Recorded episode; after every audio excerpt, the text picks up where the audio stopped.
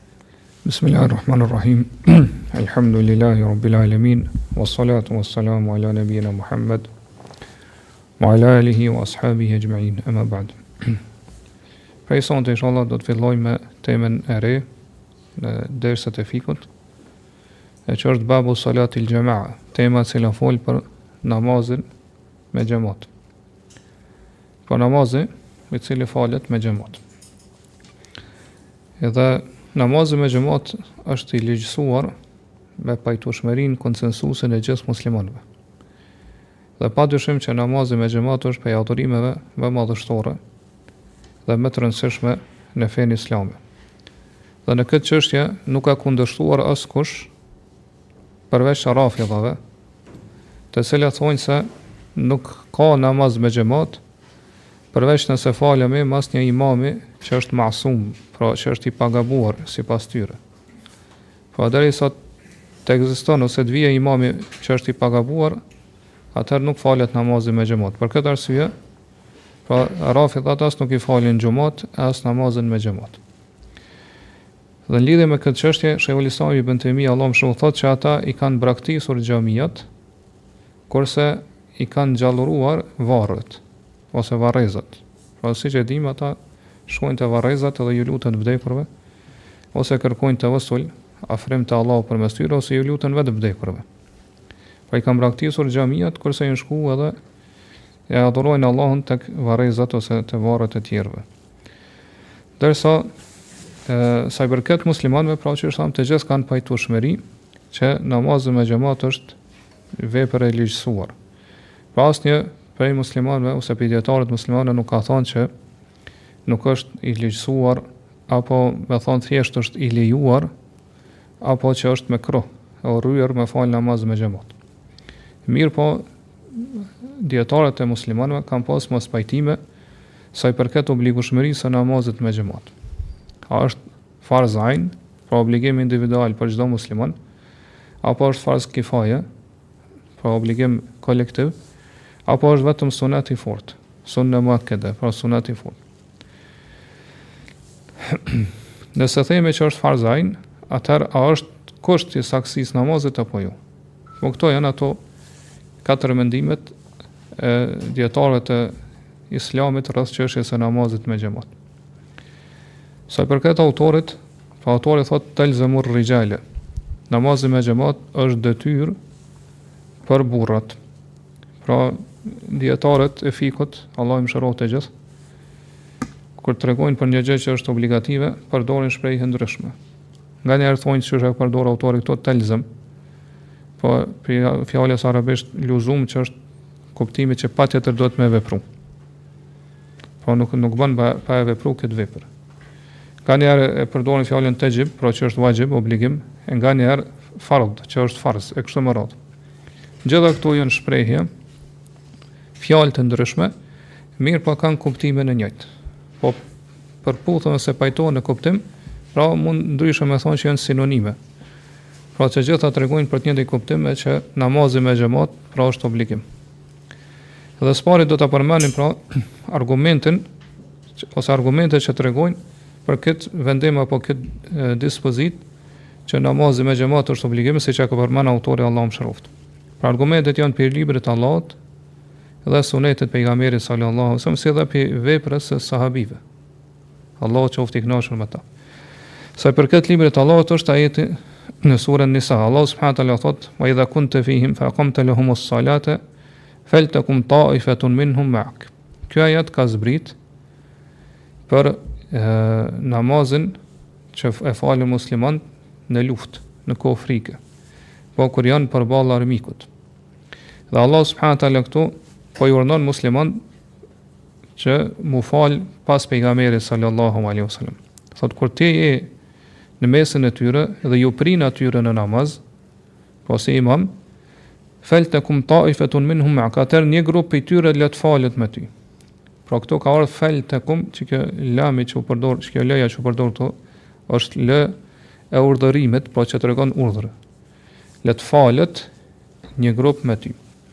Dhe në parim urdhni pra në në tekstet fetare tregon obligueshmëri.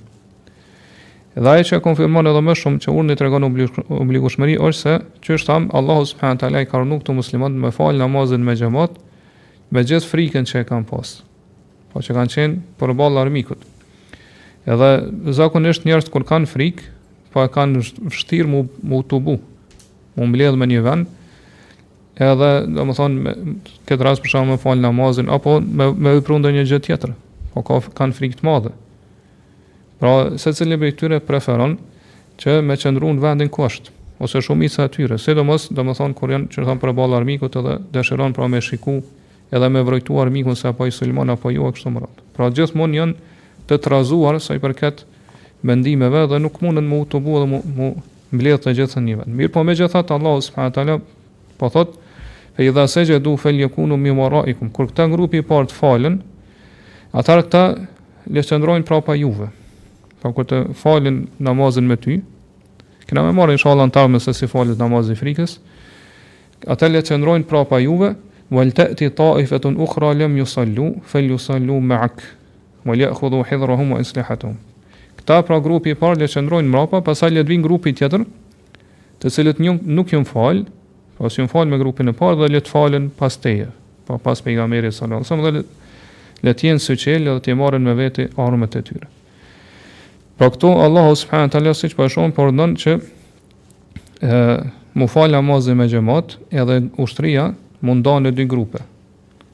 Prandaj prej kësaj po e kuptojmë se namazi me xhamat është farz ain.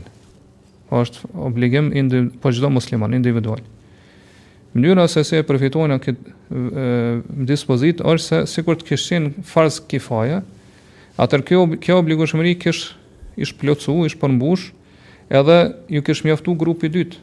Mirëpo Allahu megjithatë po thotë që edhe grupi i dytë duhet me ardh e m'u fal me pejgamberin sallallahu alaihi wasallam.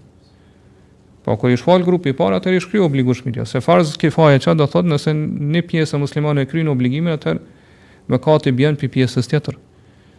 Po nuk kanë mëkat pjesa tjetër. Mirëpo kur Allahu po urdhnon që edhe grupi i dytë m'u fal me pejgamberin, po kuptojmë se nuk është farz kifaje, mirëpo është farz për çdo musliman.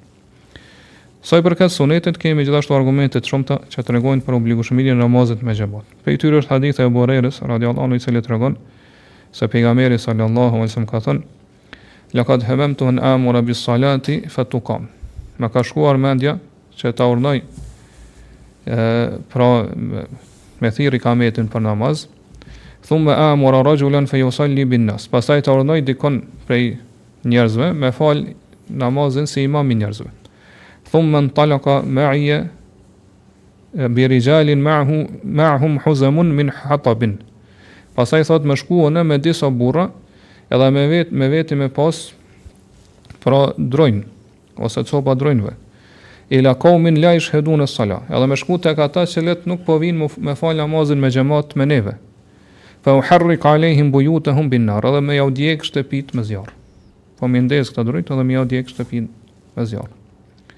Po pejgamberi sallallahu alajhi wasallam kjo i ka shku në mendje. Mirëpo nuk ka vepruar pejgamberi sallallahu alajhi wasallam. Dhe domethënë fakti që pejgamberi nuk e ka vepruar këtë gjë, nuk tregon se namazi me xhamat nuk është obligim, qysh e kanë keq kuptuar disa këtë hadith pejgamberi sallallahu alajhi wasallam. Se sikur mos të ishin obligim atëherë pejgamberi nuk i kish thonë këto fjalë fare. Po vet mënyra e formulimit këtyre fjalëve tregon se namazi me xhamat është obligat është obligativ. Po patjetër domethënë pra është obligim për muslimanin.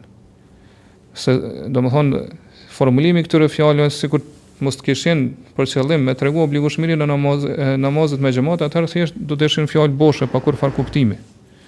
Mirpo, arsyeja pse e ka penguar pejgamberin sallallahu alaihi wasallam që mos me vepru këtë gjë dhe Allahu subhanahu taala e din më së miri, arsyeja pra është që pejgamberi sallallahu alaihi wasallam ka ditë që askush përveç Allahut subhanahu taala Zotit njerëzve apo Zotit të zjarrit nuk dënon me zjarr, nuk ndëshkon me zjarr. Pra vetëm Allahu, siç ka në hadith tjetër, prej pejgamberit sallallahu alaihi wasallam është ai i cili ndëshkon njerëz me zjarr, dhe nuk i lejo nuk i lejohet njerëzve pra me i ndëshku të tjerët përmes zjarrit.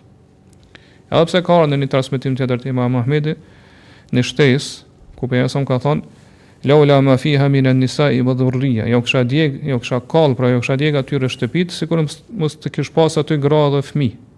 Mirëpo kjo shtesë është e dobët, pra nuk është nuk saktësohet. Dhe kështu, nuk kam nuk kem nevojë pra me marr si arsye ose justifikim këtë shtesë. Mirëpo, domthon ajo që e thamë më lart, fakti ose arsyeja pse cila ka penguar pejgamberin me marr me ndërmarr këtë veprim është që pra me, me zjarr ndëshkon vetëm Allahu subhanahu wa Argumenti i dytë është hadithi që kemi përmendur edhe më herët që një burr i verbër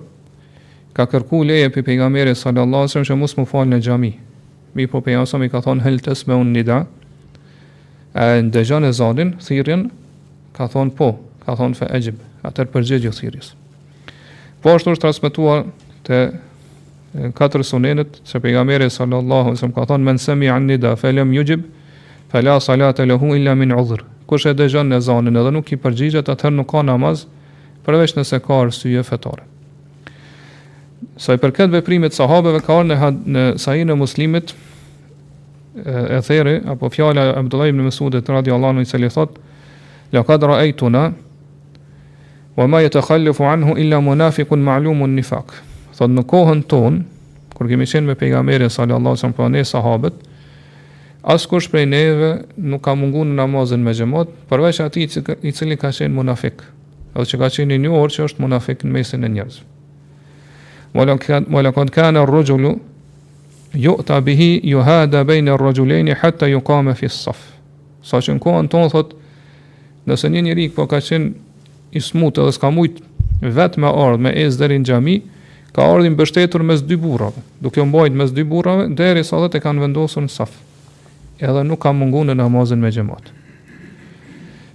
Po kjo tregon se çfarë rëndësie të madhe i kanë kushtuar sahabët namazit me xhamat.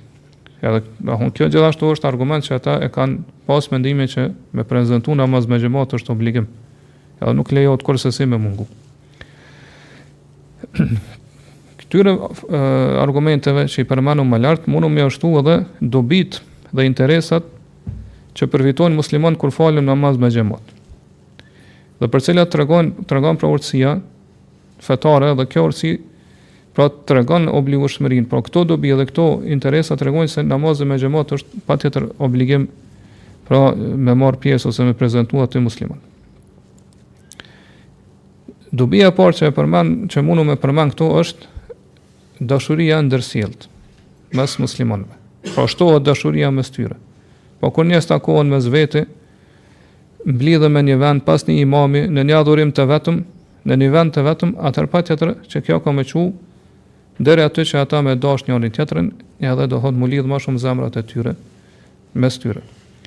Dobia e dytë është njohja, po që e njoh, njohja e ndërsjellë, pra e njohin njëri tjetrin. Për këtë arsye për shembull banorët e një lagjeje, kur falen në një xhami, nëse vjen dikush i huaj dhe falet në xhami, atëherë ata pyesin për të, kush është ky?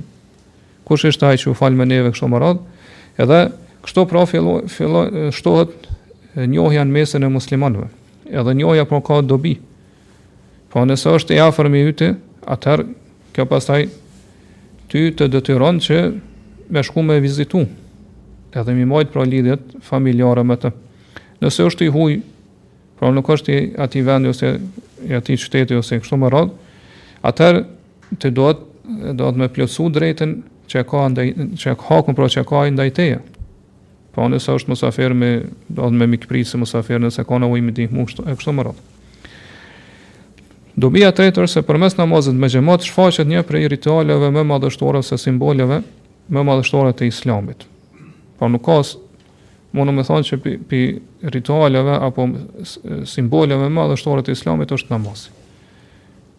Nëse njerëzit për shembull qëndrojnë në shtëpitë e tyre dhe nuk e falin namazin me xhamat, atëherë nuk dihet që namazi është, do të thotë, pjesë e Islamit. Njerëzit nuk e kuptojnë ose nuk e dinë, ata që nuk janë që nuk janë muslimanë nuk e dinë që namazi është një pjesë e Islamit. Prandaj përmes faljes së namazit me xhamat, pra shfaqet ose bëhet e dukshme kjo kjo ritual ose kjo kjo simbol i Islamit.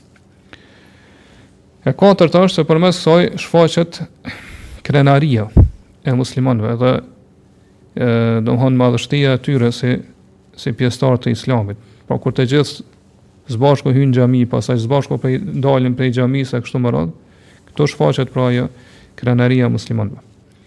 Dobia e pestë është që përmes namazit me xhamat mësohet ai që nuk din. Shumë prej njerëzve Pra i mësojnë edhe përfitojnë prej namazit me xhamat duke i mësuar pra çështjet ose dispozitat e namazit përmes atij që falet afër tij ose do thotë prej imamit e kështu me radhë. Pra përfiton edhe mëson ai i cili është i paditur. Dobia e gjashtë është se në këtë mënyrë po umeti islam familiarizohet dhe ambientohet me faktin që duhet me qenë të bashkuar, të unifikuar, edhe mos me qenë të përçarë. Pra kjo bashkim i namazit me xhemat, realisht e përfaqëson ose e tregon edhe në mënyrë të përgjithshme edhe bashkimin e muslimanëve qysh duhet me pas pra umeti islam. Ngase siç dimë, pra, pra po themi në mënyrë të përgjithshme, umeti islam duhet të jenë të bashkuar nën udhëheqjen e një personi, një udhëheqësi, i cili do thotë është si prijës i tyre dhe e, do thoni udhëheq çështjet të tyre. Pra nuk duhet me qenë të përçarë ose me qenë të, të ndarë mes vete. Pandaj, namazi me xhemat është një lloj udhëheqësie lokale, pra i vogël, jo domethënë në nivelin kështu të përgjithshëm. Ngase siç e dimë, pra, muslimanët të gjithë e pasojnë edhe ndjekin një imam të vetëm. Ashtu qysh duhet pra me qenë edhe realisht që krejt muslimanët me qenë nën udhëheqjen e një imami apo udhëheqësi shtetëror. Prandaj pra namazi me xhemat të më nëjë e pa të formën ose pamjen e përgjithshme të islamit se si duhet me qenë, pra të gjithë të bashkuar mas një imami. Dobia e shtatë është vend vetëkontrolli, ngase njeriu mësohet që sa të falet me imam, edhe e pason imamin pra me pasim të saktë dhe preciz. Në çdo lëvizje të imamit, pra e, e, e bën domethënë e pason imamin. Kur imami merr tekbir, ky merr tekbir mas tij. As nuk vepron diçka më herët, as më vonë sesa imami, Po gjithashtu as domethënë nuk i bën lëvizjet e tij në përputhje me imamin, mirëpo e pason imamin. Dhe në këtë mënyrë po njeriu e mëson veten e tij, e trajnon veten e tij që me kontrollu veten, po me pas vetëkontroll. Dobia e tetë është se përmes kësaj pra muslimani mëson edhe mi përcjell ose m'iu bind urdhrave që thamë të, të udhëheqësit apo të komandantit. Për shembull nëse në të ardhme ndodh është caktim që mu përball pra po në front me armikun, atëherë muslimanët veçse janë të adaptuar, pra janë të mësuar edhe të trajnuar që m'iu bind urdhrave të komandantit. Pra që ashtu qysh i binden lëvizjeve të imamit, ashtu domethënë ata gjitha urdhrave të komandantit do t'i binden, as nuk do, nuk do të veprojnë diçka përpara, as mbrapa. Dhe dobia e nëntë është gjithashtu që përmes saj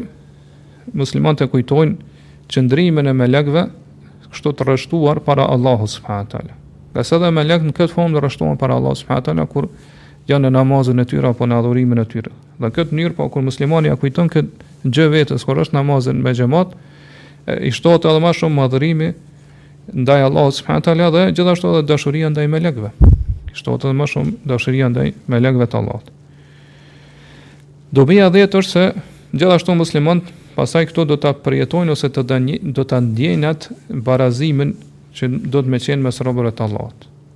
Pra në mënyrë praktike ata e përjetojnë ose e ndjejnë se si se, se si është me qenë të gjithë të barabartë para Allahut.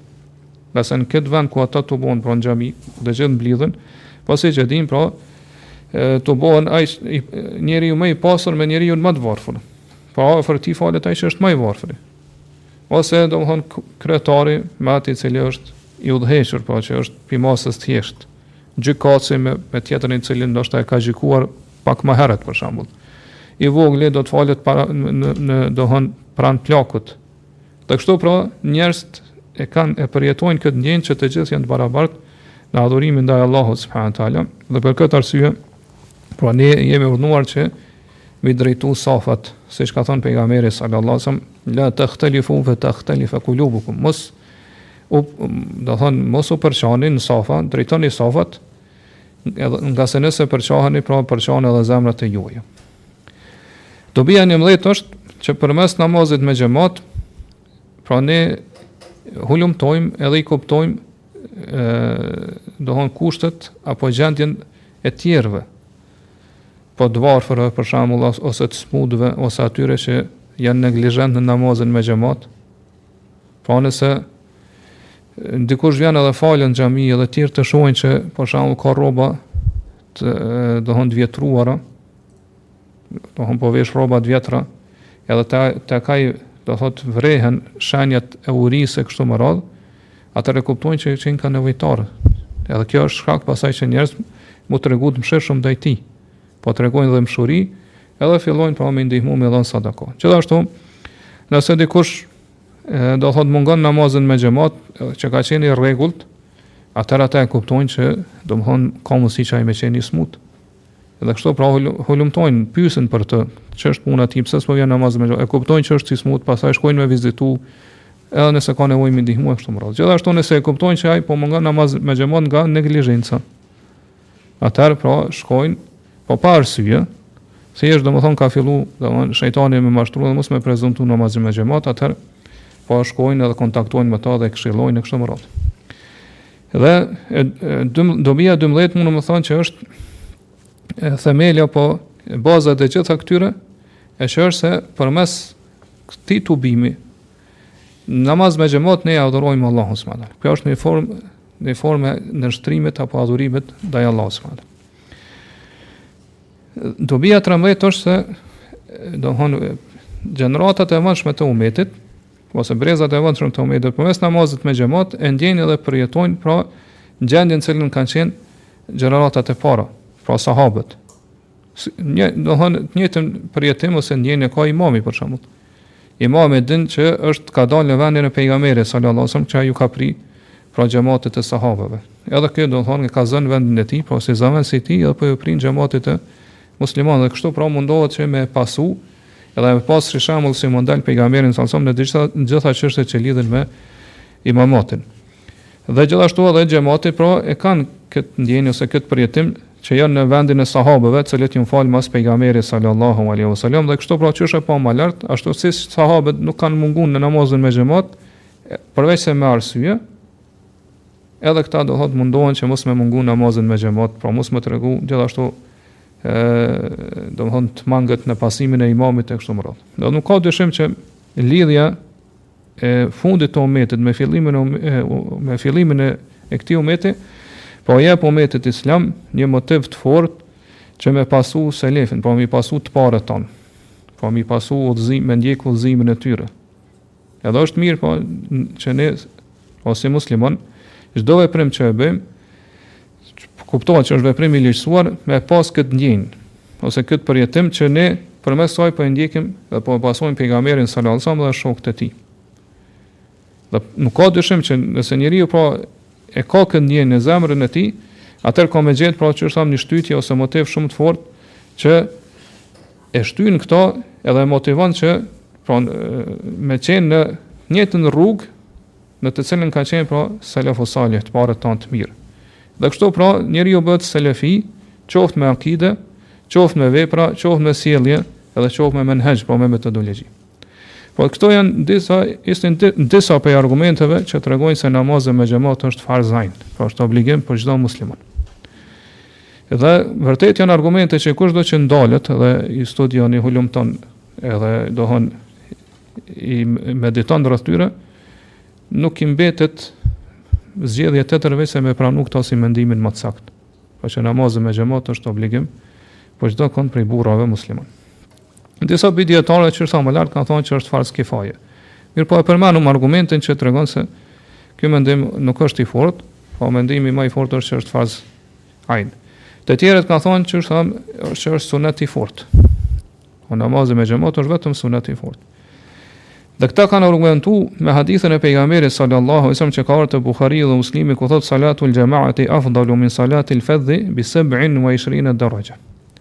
Namazi me xhamat është më i mirë, më i vlefshëm se sa namazi i atij që falet vetëm me 27 shkallë ose për 27 shkallë. Edhe kanë thonë këtu, pra po vjen krahasim, më i mirë, më i vlefshëm, përderisa ka, ka krahasim, pra më i vlefshëm tregon që nuk është obligativ. Vetëm është më i mirë, më i vlefshëm se sa namazi i atij që falet vetëm. Mirëpo ky argumentim është shumë i dobët. Për arsye se qëllimi me këtë hadith është me e tregu sevapin e namazit me xhamat. Po që shpërblimi i namazit me xhamat është më i mirë dhe më i shumë se sa namazi i atij që falet vetëm. Nuk ka qenë pra qëllimi i pejgamberit sa përmes këtyre fjalëve me me tregu dispozitën apo vendimin për namazin me xhamat. Prandaj pra kur po përmane këtu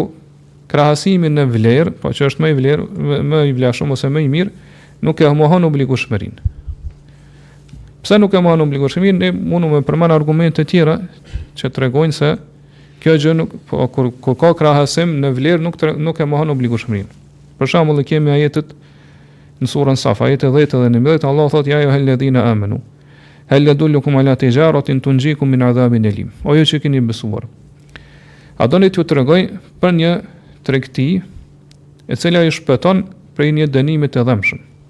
Tu'minune billahi wa rasulihi wa tujahidune fi sabilil fi sabilillahi bi amwalikum wa anfusikum dhalikum khairul lakum. Thot të besoni Allahun dhe të dërguarin e tij dhe të luftoni në rrugën e Allahut me pasuritë dhe vetët e juaja, kjo është më e mirë për juve. Është më e mirë për juve. Edhe këtu ka ardhur krahasimi, edhe po thotë është më e mirë për juve. A do të thotë kjo që besimi në Allahun dhe në pejgamberin sallallahu alaihi wasallam, edhe gjithashtu lufta në rrugën e Allahut është vetëm sunet? Kurkush nuk e thot këtë. Ja pse këtu Allahu po thotë është më e mirë për ju. Gjithashtu askush nuk thotë që namazi me xhamat është sunet. Ndërsa Allah subhanahu wa taala ka thonë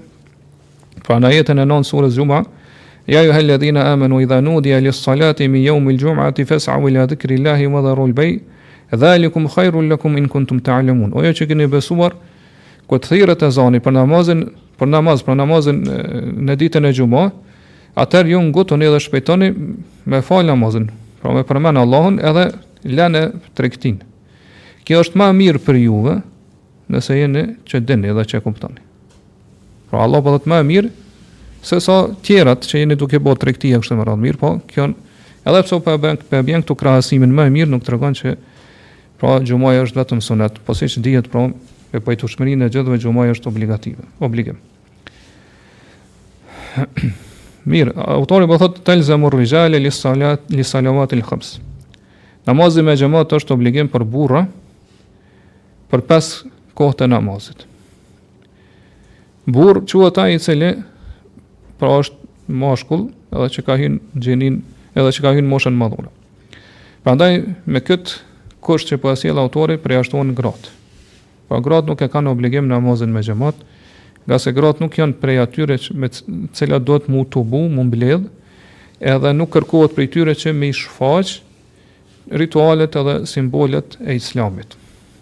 Ngase pejgamberi sallallahu alajhi wasallam ka thënë, "Buyutuhunna khairun lahun." Shtëpit për to, shtëpit e tyre, po të grave janë më më mirë, më mirë për to.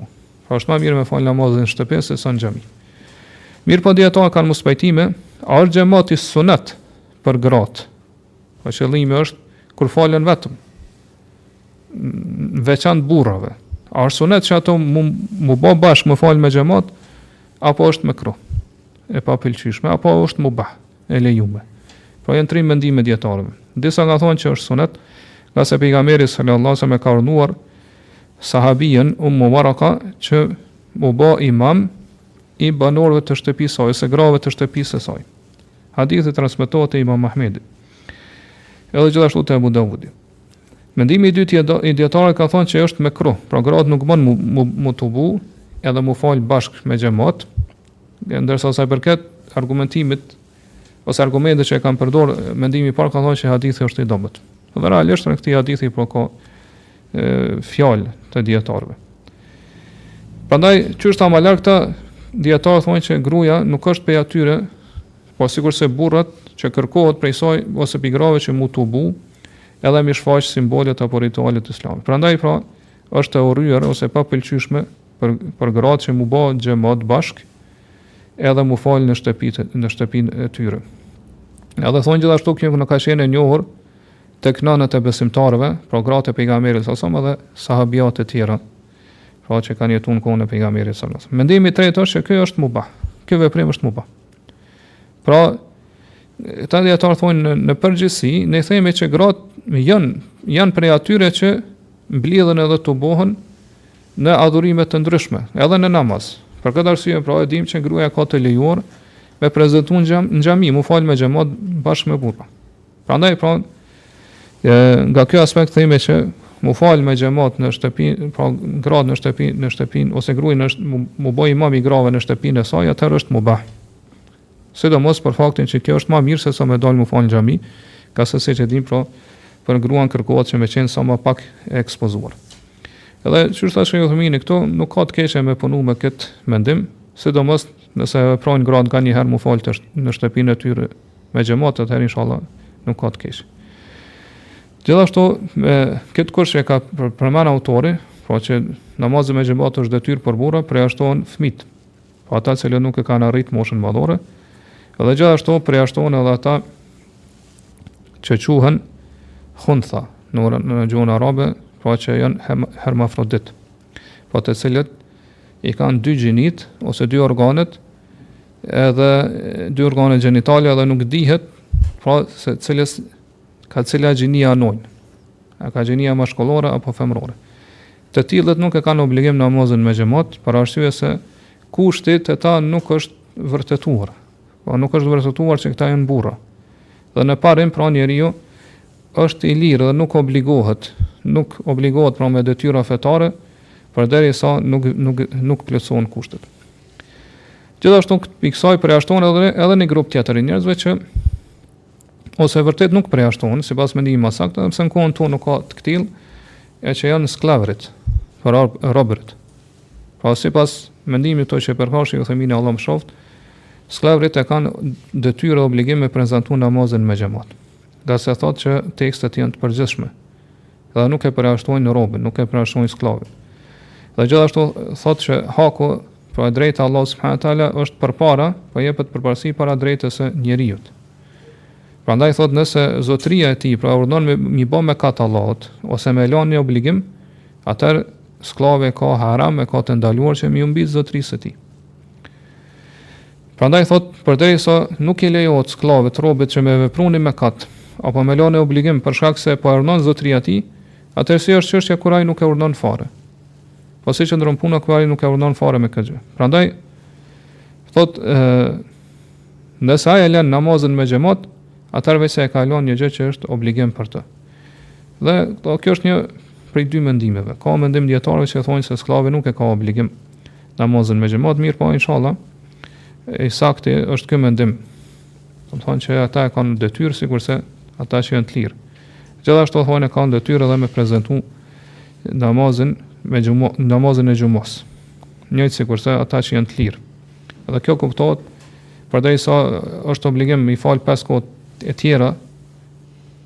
që përsëriten gjatë ditës, siç e dim, gjatë ditës edhe natës, po, po themi që është obligim që me prezentu namaz me xhemat, atëherë, me thonë që është obligim me falë namazin e xhumas, për sklavin kjo është ma parsore, ngase xhumaja siç e dim, po përsëritet vetëm njëherë në javë, dhe gjithashtu, sa i përket xhumas, pra është kusht që e, mu bo xhemat, pra, kusht për me qenë i sakt namazi i xhumas, patjetër do të me pas xhuma, me xhamat, ndërsa kjo nuk është kusht për namazin me xhamat, përveç sipas një mendimi të dobët që kena me marr inshallah në dersin e ardhshëm, të cilët e kanë mendimin që është kusht edhe për për namazin me xhamat. Sido qoftë pra nëse haku e drejta e zotërisë bie për sklavit, sa i përket pesë kohët e namazit, pra gjatë ditës e natës, atëherë Themi që ma parsore është që haku i tij, pra me ra, edhe sa i përket namazit të xhumas, prandaj pra sklevërit e kanë për detyrë me falë namaz me xhemat, gjithashtu edhe namazin, namazin me e, e xhumas. Disa dijetarë kanë thonë që e, sklavi e ka obligim me falë namazin e xhumas, edhe namazin me xhemat me lejën e zotrisë tij. Nëse ai jep leje, atër e ka obligim. Sheh Uthejmini thotë edhe kjo mendim nuk është shumë larg të vërtetë saktës. dhe gjithashtu prej fjalëve të autorit ku po thotë se namazi me xhamat është detyrë për burrat, pra është detyrë prej ksaj nënkuptohet që është detyrë edhe gjatë udhëtimit. Ngase autori nuk po e kufizon vetëm për ata që let janë në vendin e tyre, po që nuk janë udhëtar. Mirëpo po e përgjithëson.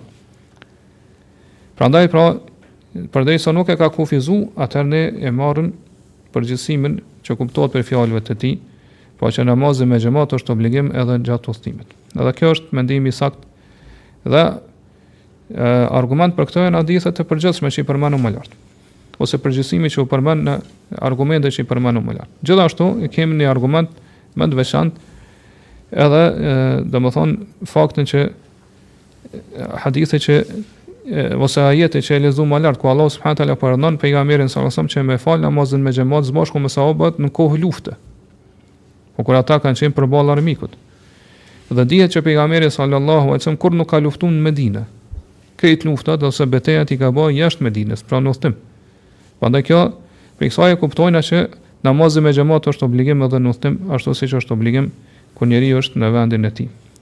Argument tjetër është se pejgamberi sallallahu alaihi wasallam gjithmonë gjatë udhëtimit e ka fal namazin me xhamat. Madje edhe kur e ka bë kaza, siç ka ardhur pra hadithi kur pejgamberi sallallahu alaihi wasallam gjatë njëherë gjatë udhëtimit pra së bashku me sahabët i ka zënë gjumi dhe ju ka ikë namazi i sabahit dhe ju ka dalë gjumi vetëm pasi që ka lind dielli.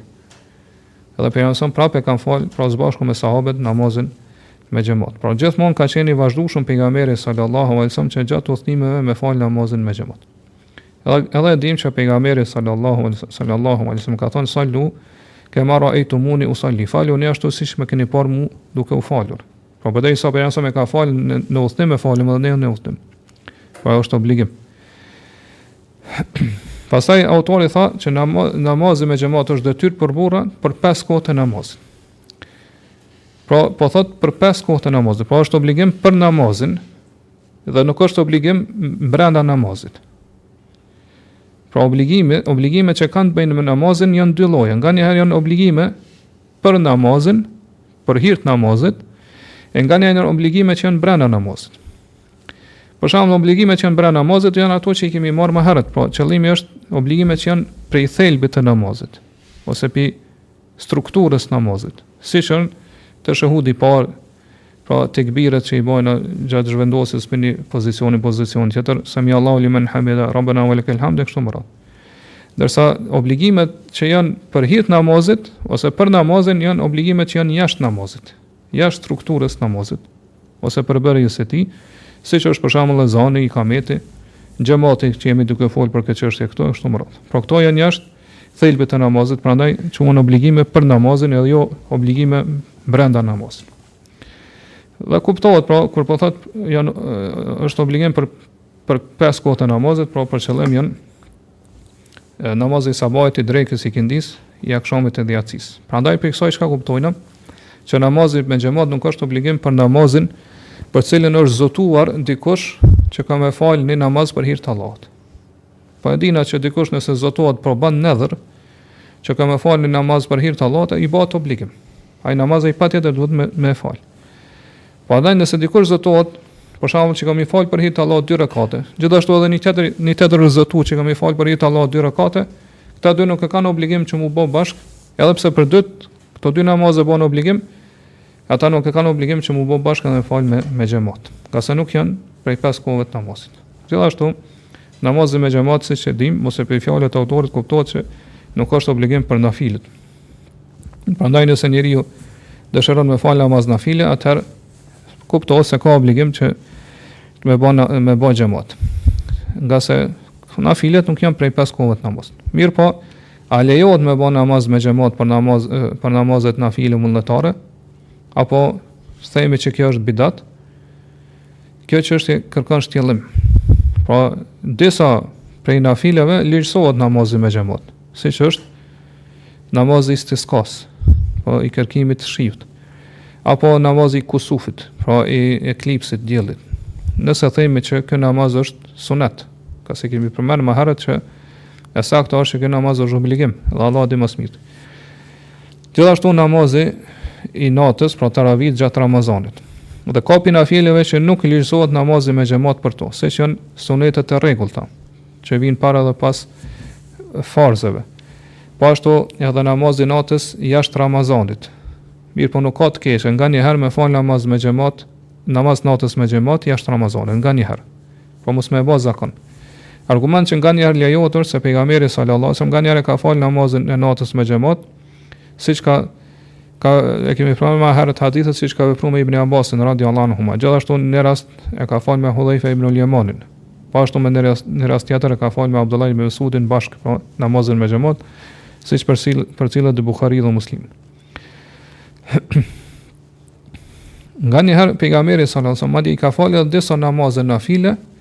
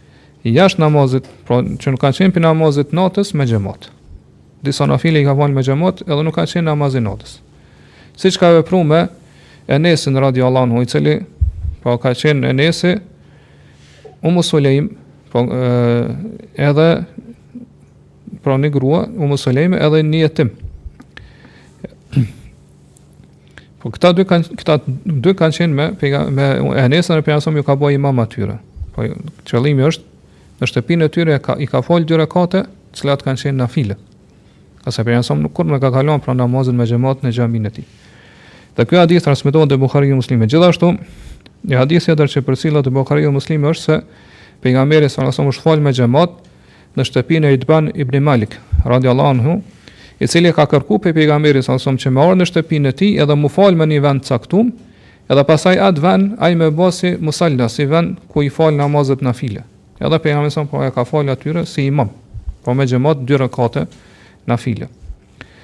Gjithashtu prej fjalëve të autorit kur thotë që namazi me xhamat është detyrë për burra për pesë kohë të namazit, prej këtyre fjalëve të autorit po kuptohet apo nënkuptohet që nuk ka dallim nëse ky namaz është që falet në kohë apo si kaza.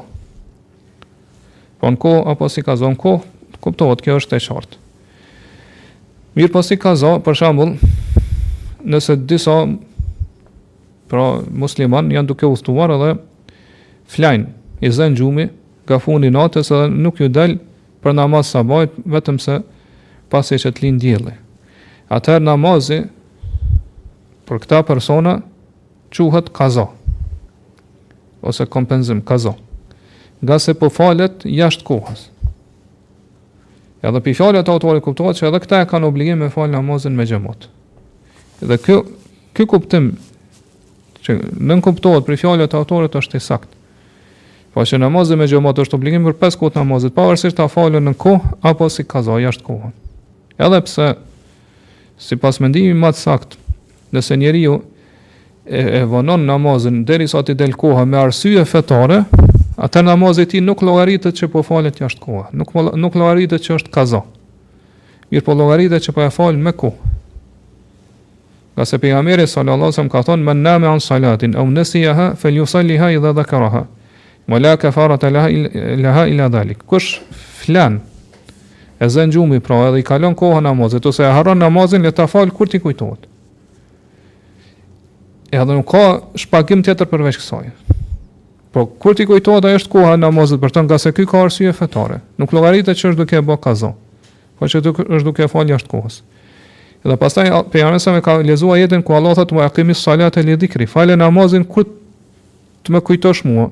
Po kur të kujtohet, e ke harru namazin, kur të kujtohet, fale namazin. Kjo është koha e atij namazi.